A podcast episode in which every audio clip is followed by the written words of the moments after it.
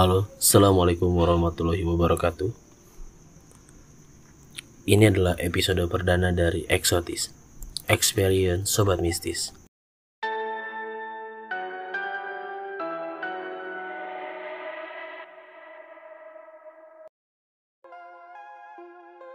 Saya Ferry dan rekan saya Baru.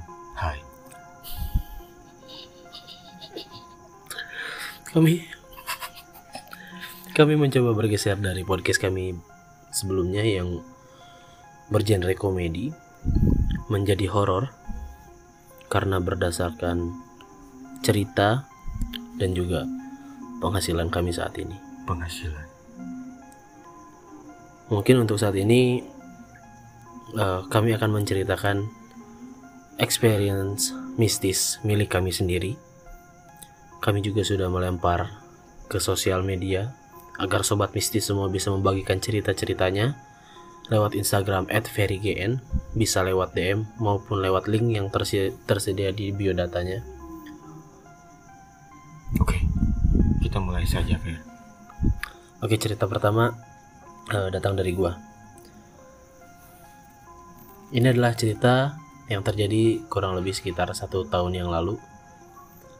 Terjadi di bulan antara Juni atau Juli, gua lupa lagi. Anjing satu tahun yang lalu. Oh, 2019. Hmm, 2019. Kenapa pakai anjing sih?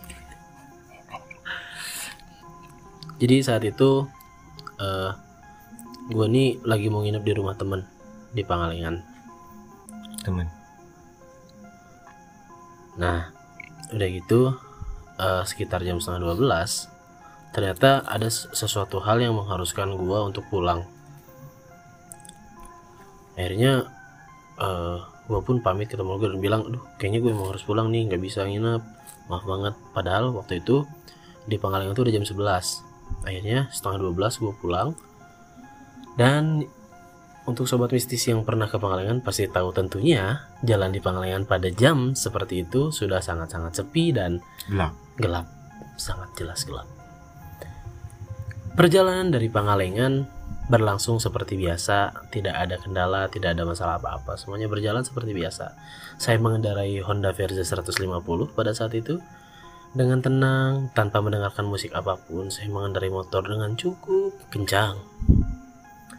Tapi pada saat saya berada di ini boleh nyebut ini kayak merek gitu Boleh. boleh jadi pada saat itu saya eh, melewati sebuah bangunan sem- semacam koperasi KPBS tapi yang di bawah ya bukan yang di atas Hmm. dekat bundaran itu udah di bawah sesudah jembatan kecil gitu ada KPBS dari situ eh gue ngerasa kayak jok motor belakang gue tuh eh ada yang dudukin gitu loh kang eh. Kayak berat, berat. berat berat lu tahu kan eh, bedanya kayak didudukin gitu loh Iya. Ada tekanan. Nah iya Bahkan saking kencangnya motor gue saat itu gua, Motor gue sampai goyang Oh, oleng, oleng, Oleng Nah gue ngerasa uh Dan gue Astagfirullahaladzim Udah maaf maaf nih ya kalau dia nggak sebut-sebut maaf maaf.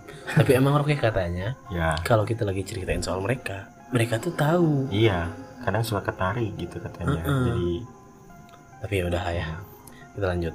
Nah setelah gue ngerasa kayak gue ngerasa bener dan yakin pada saat itu nggak tahu kenapa gue gue yakin bahwa di motor gue ini ada yang naik nih Mm-mm. dan gue yakin itu bukan orang Hmm. makanya pada saat itu gue nggak berani ngeliat spion sedikit pun Hmm. gue tetap tancap gas motor gue sambil dalam hati gue berdoa terus Hmm. dan pada saat beberapa ratus meter dari situ Hmm. gue padahal dalam hati nih rok gue bilang kayak gini ya udah kalau lu mau ikut ikut aja tapi jangan ganggu gue bilang gitu kan karena karena gue gini loh rok experience Ya. gini gue pernah punya pengalaman kata orang-orang kalau ada yang gitu tantangin balik pasti Hmm. doi jiper Hmm. gue mikirnya oh iya gue tantangin balik aja Itu mah bukan tantangin balik, Fer. Berbaik hati.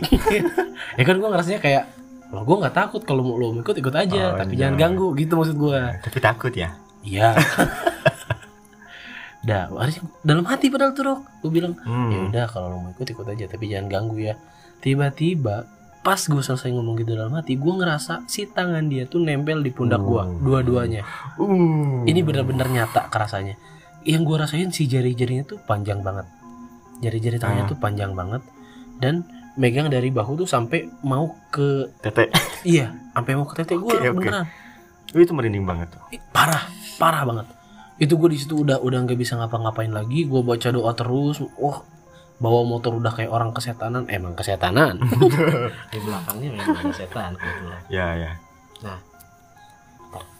udah gitu eh gue sih nggak nggak nggak tahu ya eh, di mana dia hilangnya cuman gue ngerasa dia benar-benar nggak ada tuh pas gue nyampe di Tugu Cimaung Hmm. untuk untuk beberapa orang yang pernah ke Pangalengan tentu saja tahu Ya. di mana Tugu Cimaung ini Iya, iya.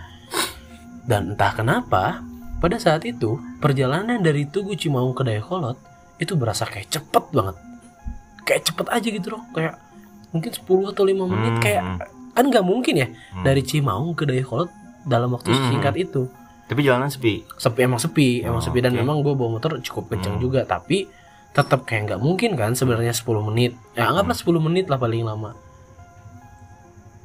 nah selidik punya selidik setelah kejadian itu gue nggak berani lagi tuh ke Hmm. tempat ke tempat temen gue yang di Pangalengan Hmm. nggak benar nggak berani bahkan sempat temen gue nanya kenapa sih jadi nggak mau ke sini lagi ada Hmm. apa ada Hmm. ada masalah apa gini gini Hmm. enggak deh gue bilang bahkan sampai kita putus eh, sampai apa Oke. Sam- Temen. Oke. ya maksudnya sampai kita putus komunikasi Ya. Miskomunikasi ya. Lost, lost komunikasi. Oke. Iya, lost contact sampai kita Lost lost, contact karena kan dia eh udah sampai kita eh, lost komunikasi, gue udah nggak pernah ke sana.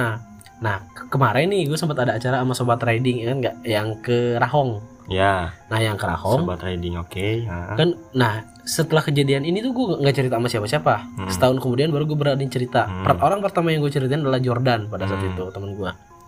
Dan pada saat kita riding, gue riding bareng Jordan tuh sama Hmm. Taufik sama Rifki juga. Hmm. Waktu gue ngelewatin si KPBS itu gue lihat ternyata di samping tepat di samping si KPBS itu ada kayak jalan setapak gitu ke Hmm. atas nanjak dan di ujungnya tuh ada kayak gerbang tinggi banget Hmm. yang gue lihat saat Gerbang. Gerbangnya Ah. kayak apa tuh? itu lo tahu gerbang-gerbang ini gak sih eh eh, gerbang yang tinggi kayak gerbang-gerbang SMK gitu loh Oh, tapi berarti lebar banget gitu. enggak kecil karena jalan-jalan setapak gitu loh Kecil. tapi ya. gerbangnya gerbang dua pintu gitu dan Tapi tinggi gerbangnya gerbang besi, bukan gerbang pintu kayu gitu. I- iya besi besi gerbang Oke, besi ya. Nah gue lihat oh it- itu ada gerbang terus ada jalan setapak itu lumayan serem sih ya dan gue nggak tahu itu di situ ada apa. Hmm. Terus si Jordan teman gue ini yang udah gue ceritain terus dia bilang eh lo lihat nggak tadi di tempat yang katanya lo pernah eh, apa diikutin sama yang begituan ada gerbang ini oh iya gue lihat gue bilang gitu kan dan katanya mungkin emang penghuni situ aja yang ikut Hmm. gitu jadi pada saat itu memang duh kayak gue tuh sebenarnya kan bukan tipikal orang yang percaya akan Hmm. hal semacam itu tanpa validasi ya Hmm. tapi setelah gue ngalamin sendiri Lu kayak skeptis lagi. skeptis sih enggak Hmm. cuman kayak nggak mau mempercaya aja Hmm. gitu karena malas aja lo harus Hmm. ketemu harus ngerasain Hmm. gitu kan tapi pada saat ngalamin itu jadi kayak kenapa harus ngalamin juga gitu kan Hmm. Seperti itu sih kalau cerita dari gue Mungkin lu waktu berangkatnya itu nggak Bismillah dulu, nggak berdoa. Ya. mungkin juga kurang gue kurang inget juga sih pada saat itu berdoa atau enggak cuman yang jelas mungkin karena pada saat itu pulang zina itu dia. Itu berasa berasa. Oh ini nih bisa ditumpangin nih. Iya, Kotor. mungkin ya. Nggak suci tapi ini. tapi gue pernah dengar ya katanya kalau kita lewat ke sebuah tempat kayak jembatan terowongan Hmm. atau hutan-hutan yang baru gitu Hmm. kita tuh harus ngasih salam kayak kalau lamp eh, kalau mobil bisa ngasih lampu din atau bisa ngelakson Hmm. dan yang baru gue sadarin setelah cerita ini adalah pada saat itu kan emang gue ngelewatin jembat nggak usah gitu-gitu anjing sachet kopi gerak Eh, angin angin. anjing Oke oke oke. Terus? iya karena pada saat itu juga ngelewatin jembatan dan emang gue bukan Hmm. tipikal orang yang gitu kan Hmm. katanya kan harus buang rokok Ya, atau apa ya. kan Nah, kayak Jadi gitu lo sih. skip aja lah, langsung aja gitu, nggak Hmm. tanpa tanpa klakson, tanpa apa gitu. Hmm, hmm, hmm. Nah mungkin sobat mistis yang lain juga mungkin ada yang pernah punya cerita saat perjalanan Oke. ke Pangalengan boleh di share ya Share mantap. Gitu doang kerja lo anjing Oke teman-teman, terima kasih. sobat Selam- mistis bukan teman Oh, sobat mistis Terima kasih sobat mistis. Ada telepon masuk. Kita sudahi dulu. Sampai jumpa kembali. Ditunggu cerita-cerita mistisnya, oke? Assalamualaikum warahmatullahi wabarakatuh